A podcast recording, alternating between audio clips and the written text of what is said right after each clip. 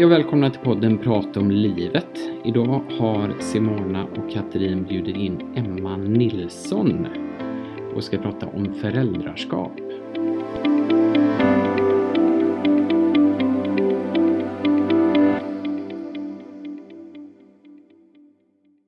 Och vi har bjudit hit Emma Mm. som ska få berätta lite om sig själv. Ja, kul.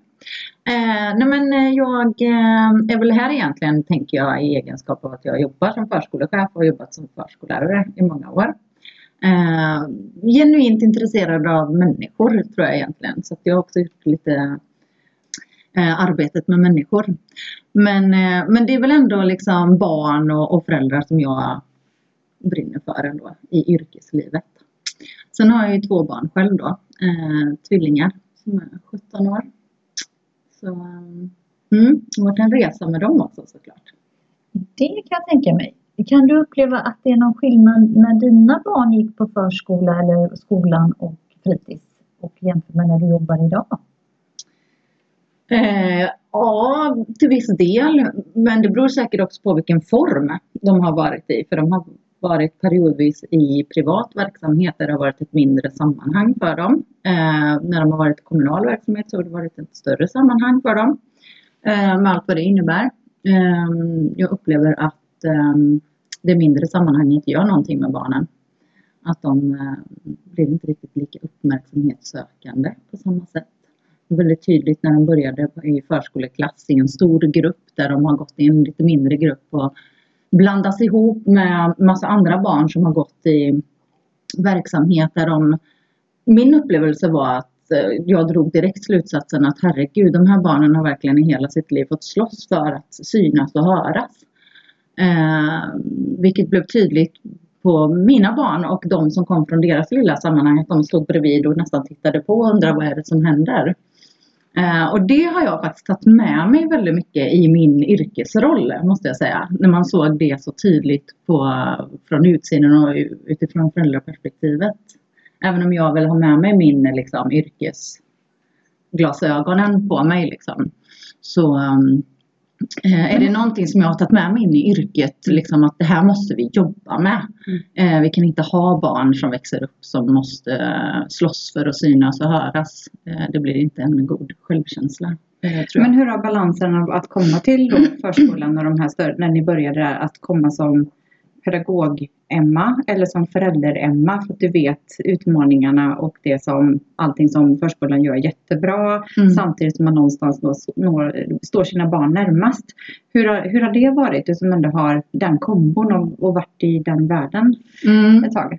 Men på ett sätt så har man nog liksom På ett sätt har man högre förväntningar för att man har jobbat själv och vet att det går att ha en bra verksamhet där, det, där barnen liksom får det de behöver utifrån sina behov och sådär.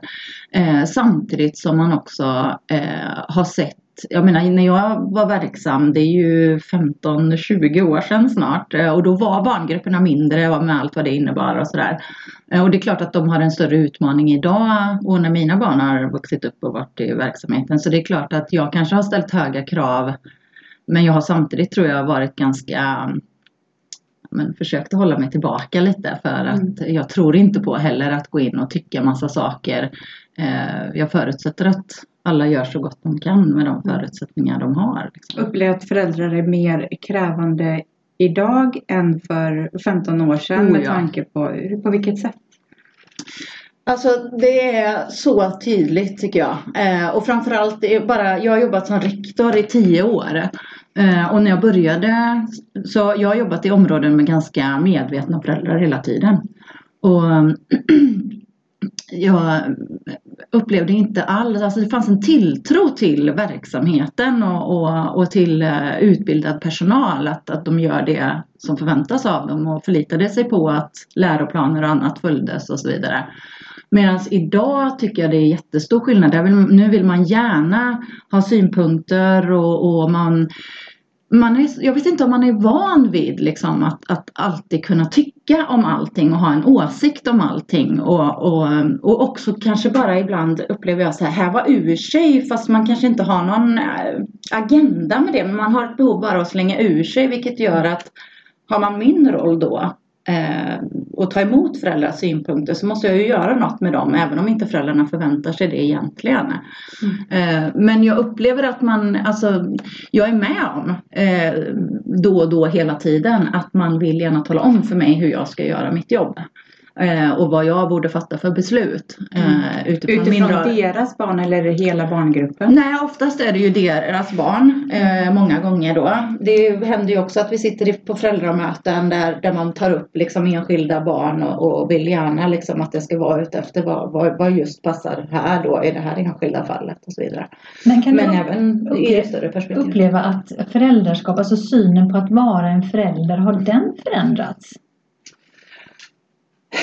Alltså jag vet inte om synen har förändrats egentligen. Nej? Eh, men behoven eller, eller liksom hur en förälder idag Ja men jo det kanske är synen egentligen. Jag när du säger för, det. För att vara en bra förälder så måste jag, jag engagera mig i min, min barns skola på ett kanske ett sätt som man inte gjorde förut utan man bara lät det vara för man hade så fullt upp med arbete medan idag så kanske jag kan uppleva ibland att det är elittänk på ett annat sätt. Mm, både och skulle jag säga. Mm. Eh, för jag upplever också att alltså, föräldrar idag jobbar ju mycket mer, har mycket större behov av att ha sin egen tid och är mycket mer självupptagna inom situationstecken. Eh, än vad de har varit tidigare, eh, tycker jag mig se mönster i. Eh, vilket ju innebär då, tror jag, att man, det blir en non-ananism-funktion liksom i att, ja men då, då talar jag om för verksamheten här i det här fallet förskolan eller skolan att de borde göra massa saker för att någonstans så har man inte tid själv att ta tag i det här utan man förväntar sig att någon annan ska ge sina barn eh, allt det där som de behöver. Liksom. Inte bara kunskap och liksom hela den biten utan det är ja, men nästan att man lämnar över så här lite ansvar till Mm, mm. eh, de som tar Men för hand att klargöra när vi ändå pratar om det allt de vill att man ska göra om barnen. Vad, vad är då förskolans ja, men, grund att, att ge barnen? För det är ju inte en uppfostran på det sättet. Vad, vad är grunderna? Vad är, för det Ja, ju nej vara... men det är ju egentligen att eh, alltså idag så är det ju utbildning från ett års ålder. Det är ju vårt uppdrag. Vi pratar ju inte längre verksamhet eller så utan det är ju vi ska ge dem utbildning från dag ett och, det är klart att det i sig betyder att vi behöver skapa trygghet för barn och så vidare för att de ska kunna lära sig för det är grundläggande behov som krävs för det. Eh, ehm, men men, eh, i övrigt så är det ju, vi pratar ju lärprocesser liksom från att de är ett år. Ehm, så, så det är egentligen vårt grundläggande. Och det blir också en så här tvegad, liksom att då kan man ju också som förälder tycka mycket om vad lär de sig egentligen. Mm. Ehm, såklart, vilket man har all rätt som förälder att göra för att det finns vissa riktlinjer på vad faktiskt förskolan och skolan ska ge. Ehm, men jag tycker också att det, det finns en, en ibland ehm, misstro eller vad man ska säga. Alltså föräldrar har ju länge haft synpunkter på skolan. Det, det känns som att det är mer så här liksom anammat kanske bland oss. Medan det har även spilt över nu på förskolan allt eftersom vi blir en lär eh, eller utbildning, en del av utbildningen. Då. Ehm, så att ehm, ja, omsorg, lärande och utveckling ska ju vi. Det är liksom grunden i vårt uppdrag. Mm. Omsorg det innefattar att det ska vara trygghet och, och de Ja, och bitarna. att man ska få sina behov tillgodosedda, man ska Mm. få sin blöja bytt och vad- eller vad det nu kan vara. Och det här med alla. behov känns ju lite som att det kanske borde trattas ner när du ändå pratar om att barnens behov mot vad faktiskt det står i läroplanen eller man ska kalla det då. Att barnens behov, det kanske inte är att det är individuellt det barnets exakta behov eller hur? Nej, det är ju det som är Mm. utmaningen Ja. lite, att både Mm. kunna se till individens behov och att man Mm. faktiskt behöver jag anser ju att när man går ur förskolan så ska man kunna fungera i ett socialt sammanhang. Mm. Ehm, för annars kan man inte fungera i samhället liksom, om man Mm. inte kan socialisera sig. Liksom. Mm. Så det är en viktig eh, För det är därför man sitter i ring och sjunger tillsammans och håller varandra i handen och klappar Ja, det där kan man ju också diskutera då. Ja. Ehm, hur... eh, ja. Förväntningar på det. För det är också någonting som vi brottas med i förskolorna. Att man, alltså föräldrar har ju ofta en bild av hur det var när de gick på dagis. Och, Mm. och vi bedriver ju inte dagis längre utan vi bedriver ju förskola. Och det kan man ju prata om i ett eget poddavsnitt tänker jag.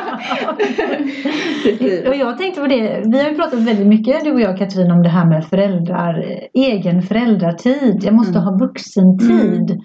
Och det är ju någonting som jag upplever har kommit de senaste åren. Ehm, ja i och för sig, nu är mina barn ganska stora, de är ju 20-årsåldern de här stora tjejerna. Men, men jag tänker så här att när, de, när vi växte upp, eller då, eh, när jag var liten då, eh, det fanns ju inte Nej. på det sättet att man pratar om vuxentid utan man åt tillsammans. Eh, så normala familjer eller vad ska jag säga. Eh, och Medan nu kan jag uppleva att väldigt många då när, när tjejerna var små och de var kanske i 5, 6, 7, 8 års åldern så, nej men då åt barnen först. Och så åt föräldrarna sen. Så var det inte hemma hos oss för vi åt alltid middag tillsammans. Mm.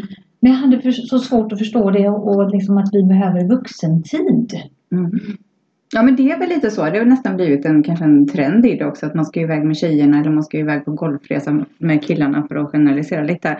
Och att det där då blir att man ska ha, man vill åka på spa, man vill ta igen sig och liksom. Man måste ju förstå när man skaffar barn att det är livslångt commitment och inte bara under en en kort period utan man tar med sig kanske barnen på restaurang och sen kanske man ibland vill gå ut och käka tillsammans för att det, ja, men det är sent eller om det kan vara någonting, eh, man ska gå på bröllop där barn inte kanske är inbjudna och sådana saker. Det, då ställer det ju till men kallas det då för egen tid? Eller varför måste man vara för sig själv? Är det så jobbigt att vara förälder idag? Mm.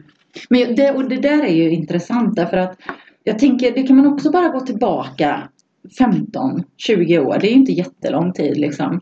När, när vi fick barn då, eh, då var det en självklarhet för de flesta runt mig i alla fall. Att, och det kan man ju också diskutera då, men det var ju oftast mamman då som gick ner i tid. Eh, och jobbade kanske lite mindre för att man skulle ha tid med barnen och, och, och lite sådär. Och, och att man också skulle ha tid att göra alla de här bestyren som det innebär att ha familj och sådär. Eh, och det är ju på gott och ont tänker jag liksom att att någonstans så har man, i takt med att, att jämställdheten har liksom klivit in på riktigt och vi jobbar heltid. Idag jobbar ju de, alltså alla föräldrar i princip heltid och det är ju Mm. jättebra att kvinnor har kommit ut och jobbar. Men det gör ju också att det finns inte så mycket andrum tänker jag. Och det är kanske då vuxentiden på något sätt kommer in att gud jag måste liksom bara få andas lite från, inte barnen kanske nödvändigtvis utan från Familjelivet? vardagen. Ja, precis. Ehm, ja, jag tror att det är många faktorer såklart. Men jag kan ändå se ett mönster i det. Liksom, att, Mm. att, ehm, att jag tycker att det har kommit allt eftersom att man ehm, lägger ju väldigt mycket tid på Mm. sitt arbete. Mm. Eh, och, och då blir man ju tröttare och man Mm. ska också då hantera allt det andra. Mm. Eh, och då blir man trött. Ja men precis. Och det kan man ju också, det diskuterade vi senast idag i våran eh, chefsgrupp just det här liksom med föräldrar som också, eh, för även om kvinnor då, det är jättefint att de har börjat jobba heltid och så i större utsträckning. Men det är fortfarande så att könsrollerna finns kvar eh, i våra liv, mer Mm. eller mindre. Även om Mm. pappor väl tar mer och mer ansvar såklart. Mm. Men vilka är det som liksom projektledaren ofta i familjen? Man ska inte generalisera men det finns ju ganska många exempel på där kvinnorna ändå fortfarande är det. Mm. Och då kan inte jag låta, Mm. eller låta bli att tänka vilka är det som är utbrända eh, och mår dåligt. Alltså det finns så många Faktorer i det här. Liksom. Eh, Jag har funderat väldigt många gånger på vad det är som gör att de flesta kvinnorna, det är klart att det finns män också, som tar mer ansvar där hemma och ja, men tvättar och lagar mat och med barnen och ser till med fritidsaktiviteter, bokar upp de här grejerna. Sen kanske det är eh, den andra partnern som åker iväg till skridskobanan eller till eh, fotbollsträningarna men då roddar det andra och får göra de här kul sakerna så tar jag köksservicen. Nu sa jag jag bara för att ja, så har det varit i mitt fall liksom att man sköter hemmaservicen. Eh, så det är klart att det kan vara lite upptalat men jag tror att ändå att vi kvinnor har liksom fastnat lite i det här och inte kommer ur det. Vi har ju pratat tidigare om att det här med att är man föräldraledig, se då till att eh, lägga undan lite extra pension. Mm. För att det ska bli lite rättvist och, och de här bitarna för att oftast är det kvinnor som är hemma mycket längre. Men jag upplever också att det är män som tar, man delar på, på det här också. Men oftast är det den här lönefrågan. Eh, det är bättre att jag är hemma för min man tjänar lite mer och det är ju ett helt annat ämne också. Mm. Men just att man hamnar i, i den här könsrollen. Alltså vi har ju mycket att tänka till. För jag tror att det är så lätt att bara in i det här hjulspåret att, att göra de här sakerna. Alltså mm. städa, tvätta, laga mat, handla. Men jag tänker också lite grann ur ett familjeperspektiv. För jag kan ju uppleva att väldigt många barn upplever sig som lite utanför och ensamma. Och jag tror att om man har föräldrar som är karriärister, båda två eller en då eh, och sen så ska de ha vuxentid. Så var kommer den här familjekänslan in? Och sen vet jag att många blir förvånade, eh, även då i min bekantskapskrets, att när barnen blir tonåringar och lite större så så har man inte den här kontakten. Eh, barnen liksom försvinner bort och man har inte koll på dem för det är ändå ganska normalt under tonårstiden men jag kan uppleva att det blir mer och mer så. Mm, att man inte behövd på samma sätt. Att man känner inte innan. den här familjekänslan men vi mm. brukar inte äta tillsammans då så jag går och äter själv. Mm. Lite de här grejerna som, som jag kan se en tendens och då ställer man sig frågan hur kommer detta sig att, att barnen inte är med? Och då tänker mm. jag så här, men det kan ju också bero på att man som förälder har valt att ha ganska mycket vuxentid. Jag säger inte att, det, mm. att man inte ska ha det, för det tycker alla ska ha i viss mån, men lite grann när det blir att det, det, det är så viktigt den här vuxentiden, att nej men det är vuxentid och då är du inte välkommen, säger man till barnet. Liksom. Mm. Men också det här liksom ehm, jag tänker också att det känns ibland som att, mm, att föräldrar nu för tiden har lite också kortsiktiga perspektiv eller vad man ska säga. Så jag tänker själv då, och jag säger inte att jag är någon perfekt förälder på något sätt, men jag har ändå försökt tänka själv, vad är det jag vill skicka med mina barn? Vad är viktigt liksom att, alltså det är en investering i deras liv som man gör på något sätt när de är små, som man ju sen också får någon slags här skörd av när de är förhoppningsvis tonåringar, eller det är väl då man kanske någonstans börjar se eh, någon typ av resultat i vad man har åstadkommit under småbarnsåren, tänker jag. Och lite som du var inne på det här med men bara det att vi har ätit middag tillsammans och att det är en självklar del skapar ju ett utrymme för att, att, att ha en dialog med sina barn. Även om det handlar om att eh, prata om vad vi äter när de är två år eh, till att när de är 17 så kan vi faktiskt sitta och prata om hur det var i skolan idag eller vad, hur de, vad de har för relation till sina kompisar och ha lite inblick eller vad man ska säga i deras mm. liv liksom och ha um, en, en fortsatt liksom, kontakt med dem uh, mm. i det. Alltså, jag, jag, tänker att det, det hänger ju ihop hela vägen på något vis. Eller, mm. Och det här med att vara kanske kompis, kompisförälder eller förälderförälder någonstans. Att uh, var, var går gränsen där? Vem är man? Vad vill, vad vill man vara? Är det bra att vara för mycket kompis med sitt barn? Eller ska man vara förälder? Så alla gör ju så gott de kan eh, av sina erfarenheter och förutsättningar till att vara en god förälder. Det behöver man ju ändå säga. Men just det här med att vara en kompisförälder. Har ni några jag tänker så här, jag tittar ut mitt föräldraskap då när, när jag blev mamma. För det var inte, det var inte någonting som jag trodde faktiskt aldrig att jag skulle bli mamma. Eller så. Det var inte så att jag kände att åh klockan tickar jag ska bli mamma. Så här. Utan det, jag kom till ett läge där det var att om vi ska gå vidare så ska vi skaffa barn eller inte. Så tänkte jag men det kan ju vara kul. Och jag var 28 när jag fick mitt första barn. Och så tänkte jag men jag är tillräckligt gammal och sådär. Och så tänkte jag att eftersom jag har inte haft någon mamma som jag vuxit upp med så, så fick jag en bild av hur jag vill att en mamma ska vara. Och det är det som jag alltid har velat vara för mina barn, den personen. Och, och då för mig så var, var, det att jag ville inte bli för kompis kompis utan jag vill ju vara den här tryggheten för mina barn. Att de ska naturligtvis komma och berätta allting för mig men de ska veta att jag är fortfarande föräldern, att det är jag som är stöttepelaren och det finns gränser för att jag älskar dig och, och du behöver inte sitta och diskutera. Jag kan förklara mitt beslut varför du inte får göra. Men det betyder inte att du, jag ändrar mig så. Så att, eh, jag tror mina barn skulle nog säga att jag var, var lite sträng, sträng då när de växte upp. Men jag, men vi har en jättebra relation idag. Eh, Mm. Så alltid haft väldigt mysigt och de kan fortfarande trots att de är 20-årsåldern krypa upp i mitt knä och bara kramas. Jag vill bara säga, åh vad mysigt. Ja men det är också trygghet, alltså att man, Mm. man kan Ja. göra det. Det är ju ett fantastiskt tecken på det. Ja, men lite så. Och Sen har jag vänner som har val- valt att vara med kompisföräldrar där, där barnen berättar allting. Och jag kan känna att jag vill inte veta allting om mina barn, vad de gör och, och, och lite sådär. För de ska också ha privat. Precis Mm. som jag har privata grejer så får ju de också ha privata mm. så. Där är, där är jag ju den här Mm. som, som vet att de berättar men att vi också har integritet. Stängda dörrar är en stängd dörr båda hållen och att man berättar det man vill berätta men det är okej att berätta allting oavsett om det låter lite konstigt i ens eget huvud innan man får ut det.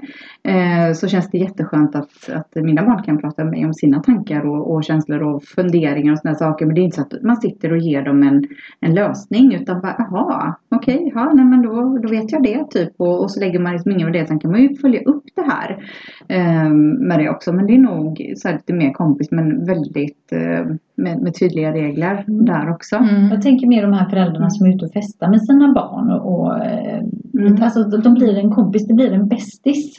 Mm. Så, och och det, det bestämde jag mig för ganska tidigt. Men det vill jag inte vara med mina barn. Jag vill vara en mamma. Mm. Mm. Mm. Och vara en mamma för mig då. Ja. Så, för mamma, det är ju olika för alla. Och det här Mm. föräldraskapet, liksom, det vi har pratat också, vad är omgivningens för, för, förväntningar? Hur ska en mamma vara? Jag tänkte, vi har pratat om det innan Katrin, att Mm. du har jobbat och Ja men ska du inte vara med dina barn? Ska Precis. pappa passa barnen? Ja men precis, eller ha vabbat eller göra karriär, att det var något, eh, det är lite skam över det att göra karriär när man har barn och eh, jobba heltid och, och sådana saker. Men man har hittat sina lösningar för det också. Men eh, ja, vissa saker kanske man har dåligt samvete för idag för att man inte riktigt har funnits där. Men ja, man har gjort så gott man kan hela tiden och någonstans precis som du var inne på Emma att man får tillbaka det när man ser att de är tonåringar. Att någonstans så har det ju faktiskt det man har förmedlat när de var små. Det blir ju lite en bekräftelse. Sen får man ju se om tio år igen när de är ja, eh, närmare 30. Att eh, Mm. vad händer där när de kanske skaffar egen familj? Vad tar de med sig? Mm. Ja, precis. Ja.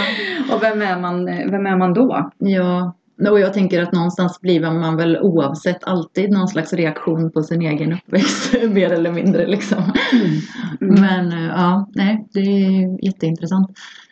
Man har ju möjlighet att, att bryta sina föräldramönster. Alltså som man har från sin, Mm. sin familj. Lite som du var inne på Simona. Att ja, men jag vill inte göra som min mamma. Jag vill att det ska vara på det här sättet. Att man någonstans där bryter. Sen får man ju se hur det paketeras in till dina barn. När de i sin tur de kanske tar med sig godbitar. Och, och, och du kommer nog känna igen mycket av dig i dem. Så tänker jag. Mm. Ja, men det gör man ju. Man tar ju. Det är som jag säger till mina barn. Ni kommer ta det bästa av mamma och så kommer ni ta det bästa av pappa och så kommer ni forma er någonting. Och sen så kommer ni alltid göra fel. För det spelar ingen roll hur ni vänder och vrider. För som Nej. förälder så, så gör man alltid det. Mm. Tror jag. Så, och vi har haft lite diskussioner. För jag är uppvuxen med min pappa då. eh, Som ni förstår. Eh, Och han var fruktansvärt sträng. Mm. Han var jätte, alltså jag fick inte gå ut alltså som tonåring. Jag fick inte göra någonting. Så att, där hade jag ju andra kompisar som jag fick ringa när mina barn blev tonåringar. Och så tänkte jag så här, men, men nu ska de vara ute på kvällarna och, och när det är okej att sova över hos pojkvän och sådana här saker. För jag förstod ju att det jag hade var väldigt osunt om man tittar på idag då. Så att jag fick ju ringa och fråga dem. För jag var så osäker i mitt föräldraskap just där. För jag ville ju inte liksom hämma dem heller. Bara för att jag hade en sån Mm. tråkig bakgrund där. Så, att, så där var det liksom. Då tog jag hjälp och bara hej hur gammal var du när du sov över hos din pojkvän och vad kommer du säga till ditt barn och är det okej att de gör det här och Mm. första fyllan och du vet Mm. alla de här grejerna. Så då tog jag faktiskt hjälp av mina tjejkompisar eftersom jag hade inte någon som jag kunde prata med och Mm. jag hade en helt annan uppväxt som sagt var. Mm. Men och det tänker jag är så här en jätteviktig eh, liksom. Eh, för någonstans tänker jag så här att det viktigaste är väl att man har någon slags strategi liksom. Men man kan ju inte veta vad man ska fatta för beslut i alla frågor liksom. Så det är väl jätteviktigt att ha bollplank. Och jag har varit supernoga med att ha så här nätverk med andra föräldrar. Alltså jag har varit en sån här förälder som har Hej på Messenger, där hittar jag hennes mamma. Och jag heter Emma och är mamma till det här barnet. Och jag har förstått att de umgås här. Och jag undrar bara lite vad ni har för tider när de ska hem. För hur ska man veta? Man gör ju allting för första gången som förälder liksom. Mm. Eh, Men att ta lite bollplank och liksom ändå för jag tänker det värsta är väl om man bara sätter sig ner och inte gör någonting. Alltså och bara go with the flow eller låter barnen så här styra vad som händer i den där åldern liksom. Utan Mm. att man ändå har någon Om man slags släpper fri dem lite att ha sin egen identitet är ju Absolut. väldigt viktigt där också. Det du är inne på nu är så intressant. Anna, tycker Det är inte det lite Anna hjärte- Wahlgrens böcker eller vad är det? Ja, och det är supernanny och det är allt möjligt som man ska förhålla sig till liksom. Mm. Är inte det lite Eh, hjärtefråga för dig? Jo, det är det Kan inte du verkligen. berätta lite hur du Jo, tänker? nej men jag, jag kan bli Tyvärr, det är inte jättecharmigt att bli provocerad men av att liksom det här att, att det, det ska finnas ett rätt och ett fel och för, för mig är det inte så eh, med barn. Eh, alltså oavsett, jag tänker att men du är den bästa föräldern för ditt barn och våga lita på det liksom och din intuition. Sen att du ibland behöver ta hjälp, det är väl helt fine men, men du måste ju våga lita på dig själv och du kom, ett barn kommer ju inte med en instruktionsbok liksom. Och det kan jag också tycka idag så här att det ska liksom man står och vill bara läsa sig till vad, hur för man är så van att läsa sig till hur allting ska fungera och hur man gör. En liksom. manual helt enkelt. Ja men typ. Som man kan bocka av. Check, Lite check, så. check. Ja. Ja men sexårstrotsen, då kan man förvänta sig det här eller Och det är när de klart, kommer in i man ju- tonåren och, och sådana saker. Jag menar min dotter har ju inte gjort revolt än. Hon fyller ju 17 och har varit inte trotsig och det har ju vi skrattat lite åt att det kommer säkert när hon är 24. Mm. Får Nej men och, och det är ju precis så att det är liksom alla följer ju inte skolboken. Det är klart att det finns en, en liksom forskning om vad som ungefär förväntas av varje ålder liksom. Mm. Eh, och att en sexåring börjar ofta prata om döden. Man behöver inte få panik över det för att det är liksom ganska Ja men det är sådana tankar som dyker upp i hjärnan hos dem då liksom och sådär. Men, men det behöver inte betyda att alla gör det. Jag så här, tänker, och du- jaha, är det Ja. vid sexårsåldern man börjar prata om Ja, kan jag göra nioårsåldern Precis. också. Finns det en bok om det här? Ja, men precis. Och det är det jag tänker så här att, jo men det är klart att, att sådana frågor dyker, alltså när, när ett barn börjar prata om döden eller liksom, det är ju jätteskrämmande. Och du har på liksom. uppfostra en massmördare nu. Eller Ja. varför vill de mörda och plocka isär en eh, liten fågelunge och rycka vingar eller stänga in spindlar i glasburkar och sådana här saker. Liksom. Men det är ju upp, upptäcktsresande på något sätt. Ja, och någonstans då får man väl också där bestämma sig som med allt annat i föräldraskapet. Liksom, att hur ser jag på det här? Tycker jag att det är okej att mitt barn börjar plocka spindel eller benen från spindeln? Eller tycker jag att det är liksom rent moraliskt är fel? Eller hur vill jag förhålla mig till det?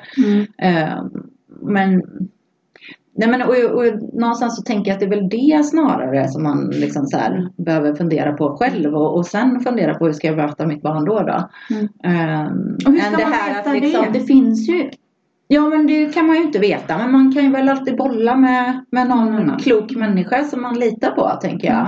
Mm. Ja, jag vet inte och, och det är ju ingen som har svaren. Men jag Men- tänker att, att prata om det är väl jätteviktigt. Ja, men så tänker jag också, det finns ju föräldrar som jag också är nära min omgivning som inte vill se till exempel att man kanske har ett barn med en diagnos Mm. som, som man märker väldigt tidigt att det är någonting med det här barnet att den har en, en diagnos oavsett vad det är för något och så har föräldrarna skygglappar på eh, och det tycker jag inte är snällt för barnet. Mm. För att den behöver ju oftast extra hjälp eller extra förståelse till varför. Och det jag upplevt med barn är att när man förklarar så, så är det okej. men när man inte förklarar det är då de tycker det är konstigt och kan bli lite småelaka mot det barnet som kanske är lite annorlunda då. Mm. Så det, min fråga är egentligen det här eh, när föräldrar har skygglappar på. Hur upplever du det? Mm.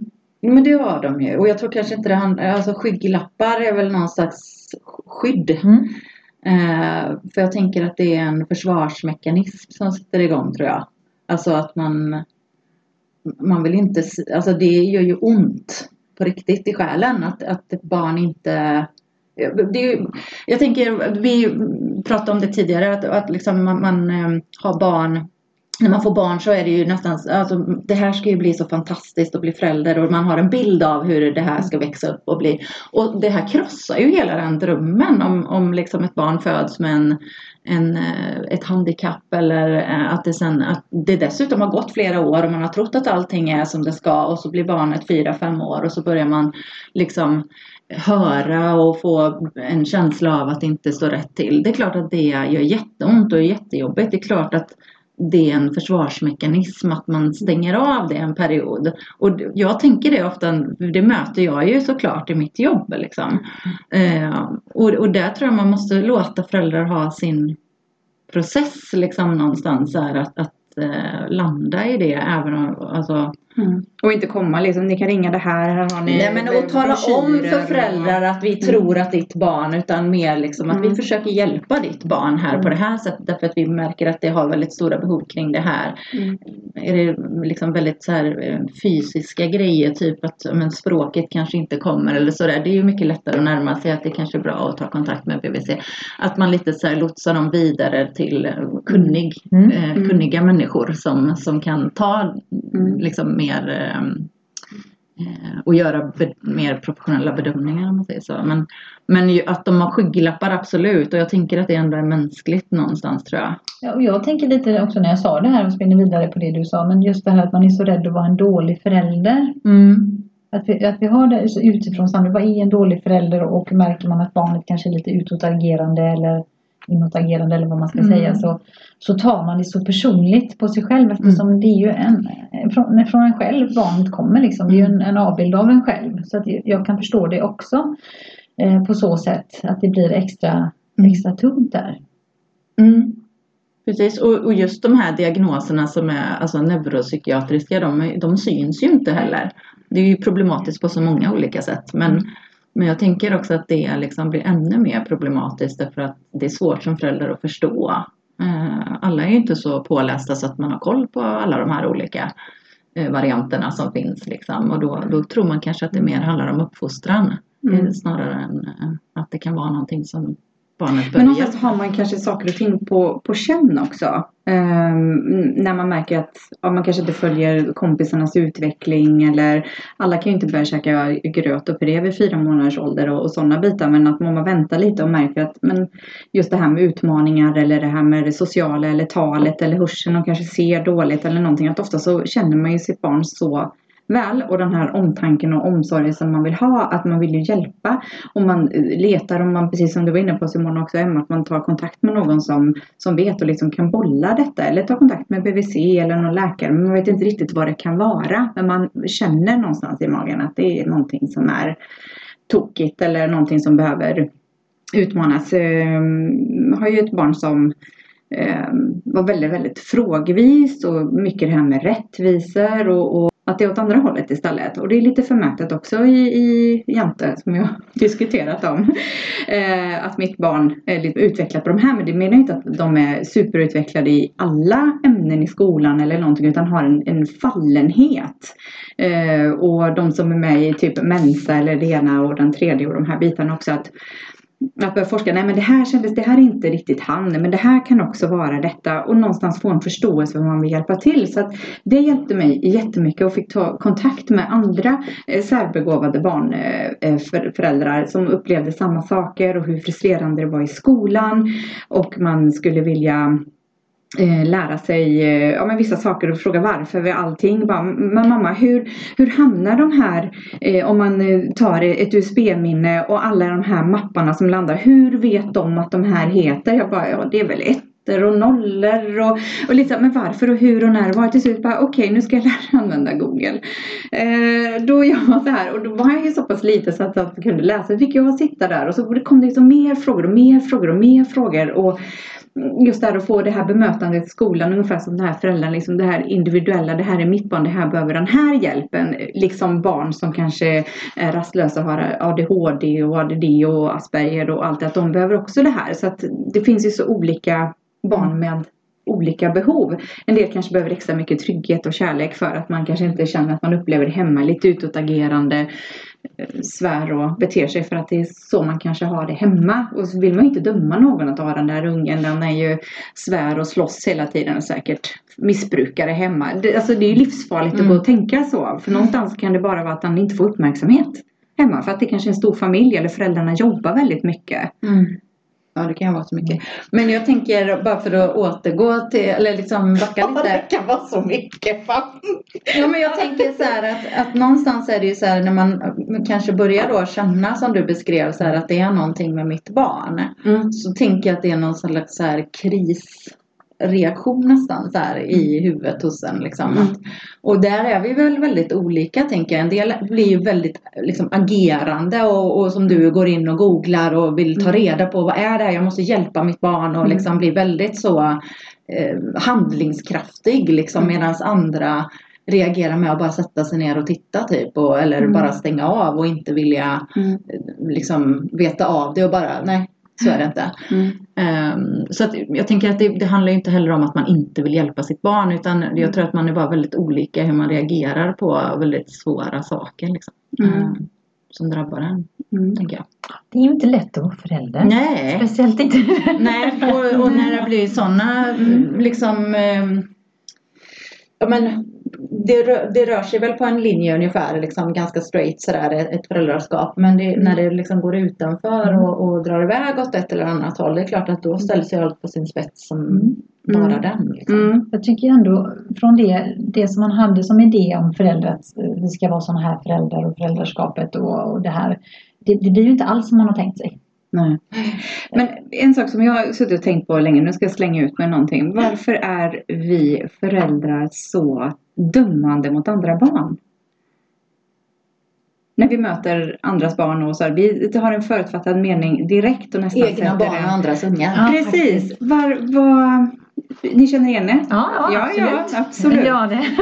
Och det är någonstans, det barnet har ju inte en chans att försvara sig med våra tankar och våra tänkande och lite med barn man har träffat runt omkring och sådär att ja men det här barnet måste nog ha det sådär hemma eller det här är nog så och så, det ska nog kolla upp lite det här och det ena och det andra. Ska mitt barn verkligen leka med det här barnet?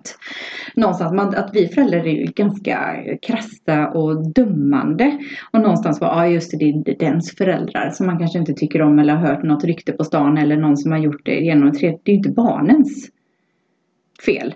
Kan det vara så att vi går tillbaka, och börjar jag ordet time warpar i tiden och kommer ihåg kompisar som vi har haft när vi var små, hur de var. Mm. Och så sätter man bara en etikett, att man är ganska snabb på att döma. Precis, det är det jag menar. Att det, är så fruktansvärt elaka människor föräldrar. Mm. Ja, men och, och sen kanske också en rädsla så här för att de ska på, alltså man är ju så rädd om sina egna barn då, Mm. liksom att de ska bli påverkade i negativ riktning. Du, allt det där fel sällskap, det får man ju inte hamna i. Det hade ju jag. Min mamma förbjöd mig Mm. att umgås med en viss tjej för hon var inte bra. För vad gör jag? Såklart. Umgås med henne Mm. såklart och inser ju själv, ser det själv sen att det här är ju ett umgänge som jag kanske inte vill hänga i. Men. Mm. Man är tvungen att göra det själv för förbjuder man barn, det är ju precis som att säga tryck på den där röda knappen. Eller du får inte trycka men man gör det i alla fall. Och det, det blir ju en sån eh, trigger och jag tänker så här nu när du ändå så har tänkt tillbaka på era sådär och, och det fanns inga eh, saker i, eh, i hennes uppväxt vad jag vet om. Ja men så här, vanlig Mm. en Svensson-familj. Men då tänker jag återigen, är det för att hon inte fick uppmärksamheten eller för att hon är en sökare? Det är liksom någonting ska, ska hända. Eh, och det har ju liksom gått åt helvete rent ut sagt för henne. Så att jag är ju glad att min mamma någonstans gav mig en, en sån där, men just att för, förbjuda. Men då är också det intressant att liksom tänka så här, ja, men om du inte hade blivit förbjuden att umgås med henne, Så kanske jag inte Vad hade hänt sett- då då? Ja, precis.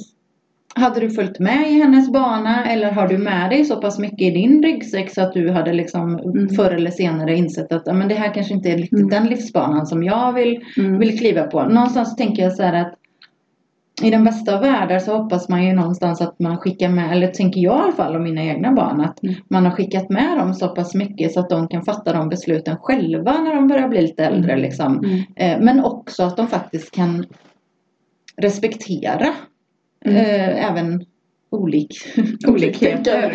Eller så här, och där har man ju en viktig roll själv. Det är Mm. väldigt lätt att vara fördomsfull för man är så jäkla rädd för. Mm. Jag tänker mer när man satt i sandlådan när barnen var små Mm. och så lekte de eh, och så såg man andra barn som kom och så tänkte man lite som du var inne på Katrin och bara oh, nej, inte, nej inte det där barnet.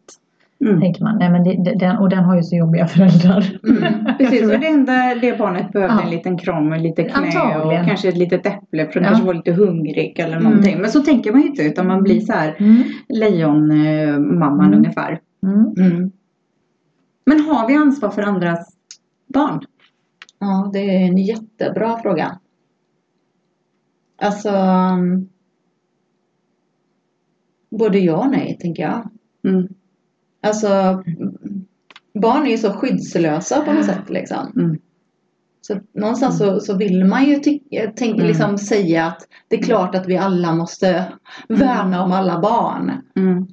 Men det är också en utopi. Mm. Alltså, Ja, men jag tänker Unicef, Rädda Barnen, det finns organisationer för någonstans så Alltså allt pratar ju inte om att man har failat i sitt föräldraskap utan faktiskt vad det är för eh, hur samhället och hur man bor och hur man är och vad man ja, har varit med om. Att det är kanske är utsatta områden eller om man bor i, i, i, bättre områden inom situationstecken kontra andra och lite vad man har för synsätt där. Jag menar som tonåringar som präglas av sina vänners synsätt och så här på Mm. andra människor och respekten för man hör sina föräldrar kanske prata om hur man ser på ja, men invandring eller på politik eller på pengar, att det med status och, och det ena och det andra. De frågorna kanske inte är viktiga i, i grupper och i, i de områdena som är lite mer utsatta. Eh, de kanske inte sitter och, och diskuterar det på samma sätt utan det finns en annan respekt och kanske en annan livsglädje och viktiga saker. Jag vet inte, jag generaliserar eller bara så man tänker. Jag tror eh, lite grann att barn gör ju inte som vi säger utan barn gör ju som vi gör. De gör det. Och det är alltid fullt den devisen att jag, jag vet, jag kan säga att mina barn gör inte så men gör jag det själv så kommer de göra det. Så enkelt är det. Mm, Så det är ingen idé att säga utan jag får föregå med gott exempel. mm, Och det kan man ganska tydligt se på, på vissa barn. Alltså man kan ju höra när det är föräldrarna som pratar och, och även när jag coachar tonåringar eh, då och lyssnar på dem. Och då har jag faktiskt ställt frågan några gånger som, vem är det som pratar nu? Och då kan jag liksom eh, återberätta med kroppsspråket och med tonen på rösten och då blir det jag vet att det var en kille, han, han blev så här Det är min pappa! Mm, spännande, intressant. Men det vill jag säga lite i föräldraskapet att man kanske ska tänka lite grann vad, vad, vad är det jag gör? Det är inte så konstigt att mina barn gör så eller att de beter sig på ett visst sätt eller att jag får en Mm. feedback från någon annan vuxen eller så här. För att Mm. det är ju någonting som, mm, som jag, vi pratar om hemma eller vi beter oss hemma eller Mm. så. Jag har faktiskt ett ganska annat roligt exempel, eh, en sån här liten anekdot. Det var en gammal kollega till mig för många, många år sedan. Skämdes ihjäl den här mannen. Han höll på att dö. Han berättade att fröknarna hade skrattat så de hade gråtit. Så hade de suttit och så var det lunch och så frågade fröknarna, ja, ska det vara, vill du ha mjölk eller vatten då? Eller pedagogerna som det heter då. Eh, och då eh, säger den här lilla killen, nej, jag kan väl ta en whisky. och så säger pedagogen, jaha, är är det det pappa dricker det till lunch? Ja, det gör han. Ja, sådana Så. saker måste ju förskolan ha hört väldigt mycket. Och just det här, när reagerar eh, förskolan när det kommer vissa mm. eh, grodor som hoppar ur barns munnar? För de har ju livlig fantasi, de pratar om döden och alla de här sakerna. Men när drar förskolan till sig öronen? När agerar förskolan? Alltså det jag uppfattar jag att det är fall till fall. Mm. Men är det något, något särskilt då som man ser liksom med barnen eller vad de säger och hur föräldrar, kan man, gör man ett samband eller?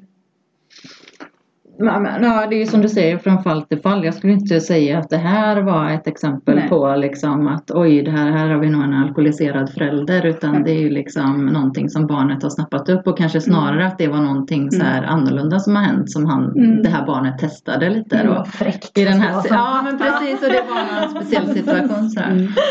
Ehm, nej men um, och gener- alltså, om ett barn, eh, det handlar ju ofta om våld eller alltså att om ett barn uttrycker att de har blivit slagna eller fysiskt liksom utsatta och, och uttrycker det verbalt så eh, då har vi ju skyldighet att, Mm. skicka det vidare. Liksom. Mm. Men, ehm, men det här att de pratar och berättar om alkohol eh, vet jag inte om jag liksom har riktigt mött på det sättet. Det är ju oftast lite så här abstrakt för barn att, att förstå kanske en Mm. fylla eller så liksom. Mm. Att mer att det blir konstigt, det är svårt att sätta ord på tror jag för dem för att Mm. vi ska oftast förstå kanske att det är en problematik om inte vi Mm. ser föräldern direkt Ragla själva liksom. Ja då är det ju Mm.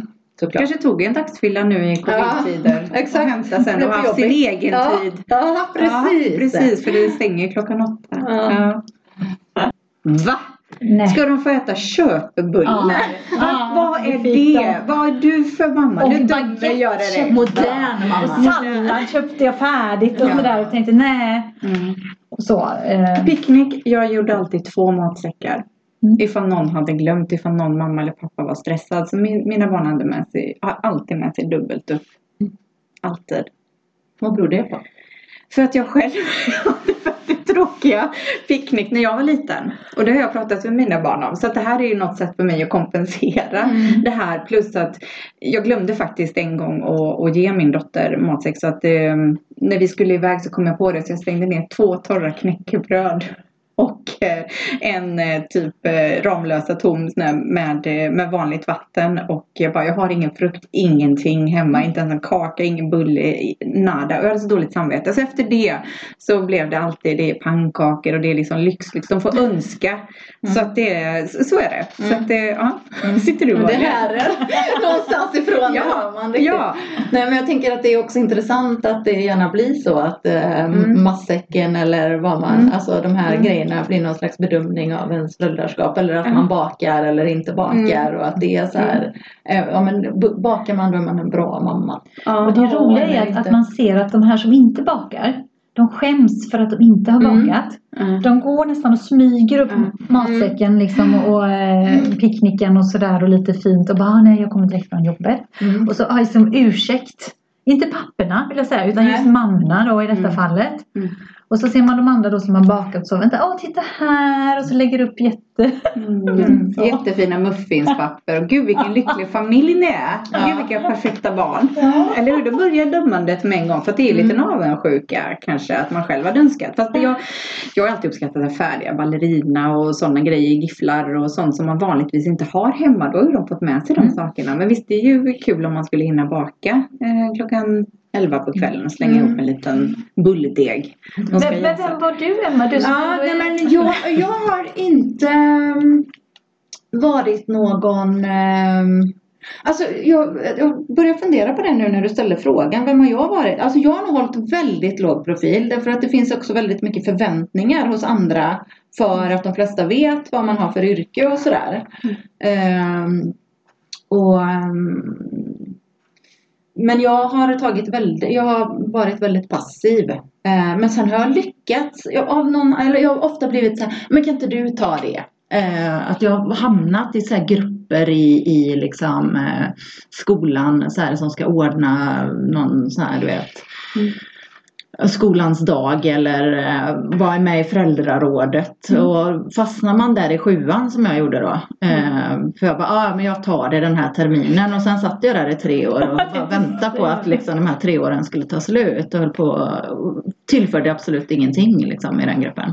Mm. Ehm, Ja, men vi men jag, nej, jag vet inte. Jag, jag, jag är väl i grund och botten handlar det om att jag förväntar mig, jag förlitar mig på att, att skolan och, och, och den verksamhet som mina barn är i fungerar. Och att, Mm. vad, vad, alltså, Mm. Visst, jag kan hjälpa till men, men ja, jag vet inte. Jag, jag har nog varit väldigt är diverse olika saker som man ska göra. Kan inte barnen som klottrar städa så att de lär sig? Varför ska vi föräldrar göra det? Det är så mycket jag vill säga men jag är lite så här, inte passiv. Jag är bara tyst och tänker allting och bara lider igenom det här. mm. Ja men ja.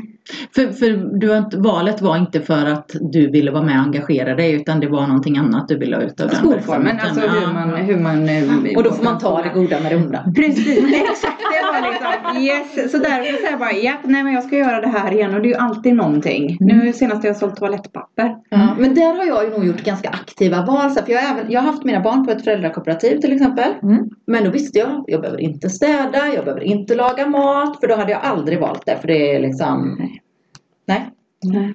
Ehm, men eh, nej, så att där har jag nog ändå gjort aktiva val. Mm. Liksom, att jag inte vill, jag vill inte engagera mig på det sättet. Mm. Skolan har funkat jättebra för barnen och det är det som är grejen. Sen får jag ju ta det goda med det onda Mm, lite så. Men mm. det har passat dem så himla bra. Ja, och då kan det vara värt det. Jag tänker att det är Mm. helt Ja, verkligen. Nej men så någonstans blir man väl också en förälder då liksom, även om du genomlider det här och är tyst och lite passivt aggressiv Ja, låter det som. Ja. Så liksom eh, så blir man ju någon som Mm. måste engagera sig i en Mm. sån typ av verksamhet. Liksom. I det Eh, tysta, i det dolda, Ja. där går jag och muttrar. Ja. Ta bort saker på skåpen på skolan som andras barn har gjort. För jag har ju varit på mina barn. Är det ni som har gjort detta så kan ju ni faktiskt ta bort det själva. Än att jag ska lägga en hel lördag på att ta bort det på alla de här skåpen. Nollan till nian liksom. Det är, ja, nej. Det, Men bara det när man går så här sjuan till nian att det inte ens liksom reflekteras över att Visst att föräldrarna kanske måste ta kommandot för hela liksom, aktiviteten men barnen är inte ens där. Alltså Nej. vad, vad är... Nej, utan det är vi föräldrar. Ska man ha mysigt ska vi grilla korv där efteråt och det ska vara mysigt och man ska stå där och prata och chingsa och och vilken sport går dina barn Ja. i? Ja, kampsport. Ja, inte tennis kommer mina ha. Nej men alltså du vet jag känner ju bara för att hetsa upp i den Ja, här precis. eh, tillställningen och så. Var, vart bor ni någonstans? Ja men du vet jag vill ju Ja. bara säga vad jobbar du med? Jag kör bokbussen och det är inget Ja. med det. Men det är så, jag vill bara säga någonting helt bara för att hur reagerar de här nu? Bara för att det, det är en sån skola. Ja. Ja. Provocerar jag, precis. Skolan är provocerande för mig. Det är den. Mm. Hur var din egen skoltid? Tänker jag då bara automatiskt. Nej men alltså, ja. Den var säkert jättebra. Provocerande! Nej men den var säkert jättebra men det var, det var inte min grej att Nej. plugga så. Man ser ju liksom barnen också tycker att ja, men skolan det är Men det är jätteviktigt. Tänk alla som inte får gå i skolan. Jag hör mig ju själv dra floskler efter floskler liksom att det här är jätteviktigt. Ja men det här ska jag ha användning för det här och det enda var jag vet inte. För att det ja, jag förstår mig det här viktiga med, med skolan men eh, ja. Jag vet inte, träffa kompisar. Ha så kul som möjligt på gymnasiet. Plugga något kul. Ja. Inte så här, men vad kan man bli? Du blir inget efter gymnasiet. Liksom bara döda här, utan du måste tänka lite, lite vidare så. Ja, någonting. Ibland så är det också så här i livet att eh, man kan bli ensamstående, man kan bli änka, änkeman. Och få vara både mamma och pappa. Någonstans så är det lite två olika roller fortfarande. Upplever jag, att vara en mamma och en pappa. Att man tar olika roller om man lever i en relation. Mm. Men om man ska behöva vara både mamma och pappa. Utmaningarna där och hur samhället ser på en och hur barnen ser på en. Det är inte så direkt att man tar på sig mustasch. Nu är det pappa som pratar här utan hur Har ni någon upplevelse eller tanke kring detta? Men jag tänker att det handlar inte lite om vad man liksom, själva förändringen på något sätt i det. För, för jag tänker så här att det finns ju barn som växer upp med två mammor eller en ensam mamma från början. Ja. Som liksom, eh, och de barnen har det hur bra som helst. Mm. Eh, Men kanske är det så att liksom, har du levt med mamma och pappa i tio år eller hela ditt liv liksom i tio år och så går de skilda vägar eller mamma eller pappa dör eller vad det nu är som händer då. Ehm, så är det väl liksom kanske saknaden av den där rollen som fanns snarare kanske, Mm. tänker jag. Mm. Än att det skulle vara Stereotyp. svårare att, att ha en förälder än två. Det är väl enklare att vara ensamförälder ibland kan jag tänka. Ja men det, det kan Men man det är så säga. tufft. Nej, men jag Ja, kan säga, det, är jobb, det är Mm. jobbigare. Jag brukar säga att det värsta som finns det, var, det är att vara ensam i tvåsamheten. Mm. När man har valt att skaffa barn och så är man två stycken och så från början och, och så har man liksom happy life, eh, lite så här tanke hur föräldraskap då från att ha varit min upplevelse här nu då, både, både den som har stått, som har varit med barnen och stått för det emotionella också, eh, då att behöva lämna ifrån mig dem varannan vecka och klippa den navelsträngen. Det kanske kan jag se nu tillbaka att det var nog väldigt nyttigt. För vi, vi var verkligen jätte, jättetajta vi tre när de, de var små. Liksom. Det, och det var en pers eh, upplevde jag. Att ha båda rollerna i tvåsamheten. Någonstans kan jag se att om man får båda rollerna i en ensamhet så blir det lättare och tydligare för att den andra föräldern finns inte där. Nej. Alltså fysiskt och eh, så. Utan den föräldern är borta av olika anledningar. Även om barnet tycker det tror jag är jättetufft. För där har jag också en nära person vars, som skilde sig vars den mannen fick en ny familj och eh, lämnade sina två barn och tittade inte tillbaka på dem utan fortsatte med den nya familjen och de bodde ganska nära varandra. Och jag har ju sett de två barnen, de är ju vuxna, kvinnor i 30-årsåldern då, de här eh, barnen liksom, eh, som var barn då. Och jag kan se hur det har präglat dem eh, då. Att ha en pappa som bara gick ut genom dörren och ha en mamma då som fick vara både mamma och pappa. Liksom. Eh, Och det är också så här när man har valt själv att skaffa barn själv. Mm. Då har man ju valt det och kanske inte tänker att man ska dela på ansvaret och göra, alltså ha den här som man, Förväntan, förväntan, förväntan liksom på det. Och, jag menar det. och då är det liksom så här, ens eget föräldraskap. Men det kan också vara tufft för någonstans som vi har pratat om hela tiden att man vill ha någon att bolla vissa saker med. För man gör det bästa av sina förutsättningar och ibland kanske man inte tar de bästa valen eller besluten men just då eller när och liksom tar konsekvenserna efter det. Men att det blir mm, Ja men det har man valt själv. Och precis Ja. som du är inne på det, som att jo men det blev nog kanske bra. Att det blev ändå så här. Alltså alla, det ser ju olika ut. Men barnens eh, upplevelse, lite som du är inne på de här. eh, Ja, för jag tänkte ur mitt perspektiv när jag var liten eftersom jag inte hade en mamma. Min mamma bodde också några gårdar bort men jag hade liksom inte min mamma så. Och jag tyckte det var jättesvårt, speciellt när jag kom i tonåren för att, att prata med min pappa om, om tjejgrejer. Det kunde jag ju liksom inte. Mm. Eh, och, och, eh, så jag fick ju lära mig ganska mycket av mina tjejkompisar och deras mammor då. Jag hade ju en, en som jag, en bästa kompis liksom och hennes mamma. Så hon blev lite som en, inte lite utan ganska mycket förebild.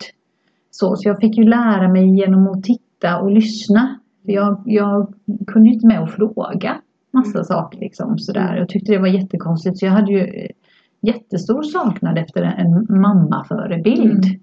Min pappa försökte ju alltså på alla sätt och jag berättar för mina barn att ja, men morfar han satt och eh, vi hade inte så bra ekonomi så att eh, och så på den tiden så var det ju väldigt populärt med platt, eh, de här tängerna när man fick så här rufsigt eh, våffelhår. Ja precis.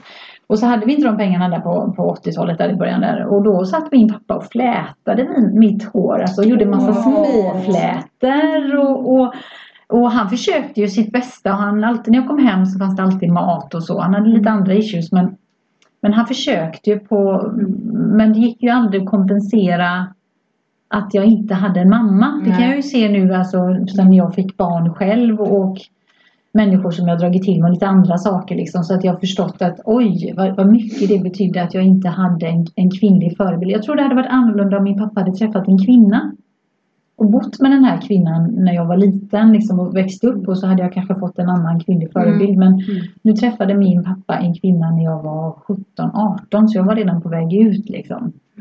Och, och eh, så. så att, eh, ur ett barns perspektiv- och mitt perspektiv i så fall så, så kunde jag alltid känna avsaknaden Mm. av, av den här kvinnliga förebilden för det fanns ingen. Liksom. Mm. Nej.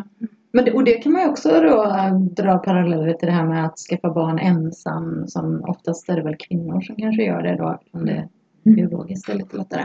Mm. Men, men liksom de sönerna. Mm. De har ju inte heller någon manlig förebild. Äh, Det kan de ju säkert ha Mm. i form av släktingar eller Mm. andra. Men jag tänker att eh, det är ändå en intressant, liksom, eh, ett intressant perspektiv på, på det, hela den eh, diskussionen. Sen Mm. har de säkert en jättebra och trygg uppväxt på många Mm. sätt. Men just det här att ha en förebild som ändå är Alltså i tonåren Mm. framförallt att ha någon av samma kön som, som Mm. förebild. Mm. Men det är lite Det det, vi pratade om i, i början. Att vi, det är vi själva som sätter oss i de här rollerna. Och någonstans det kanske inte ens behövs om man bara gör allting väldigt jämställt. Att alla får samma information och att eh, till exempel skolan eller BVC eller någonting att nu ska ni prata mens och preventivmedel eller eh, nattlig utlösning eller vad det nu kan vara. Så att man är beredd på det beroende på om man har, om man är själv eller om man som, som förälder och inte sätta att du som är mamma ska prata mens. Det kan ju lika gärna pappan gör. Nej. Alltså någonstans så, så hamnar jag tillbaka till det vi var inne på i början. Att det kanske börjar suddas ut lite för att det är li, lite mer jämställt. Mm. Att jobba heltid, att göra de här sakerna. Att, Mm. att utmana föräldrar att switcha lite. Att göra de här sakerna. Mm. Bra tanke Katrin. Ja. ibland så. Ibland Mm. tycker jag faktiskt. Ja. Precis. Ja. Mm. Är det någonting eh, du vill eh, skicka med eh, till föräldrar som du just i föräldraskap och, och de här bitarna som en liten... Ja, men alltså jag tänker lita på sin egen inre kompass liksom. Mm. Och, um, och, och prata med folk omkring sig om Mm. ja, men Dels tänker jag att, att ha, liksom fundera vad vill jag skicka med mina barn? Mm.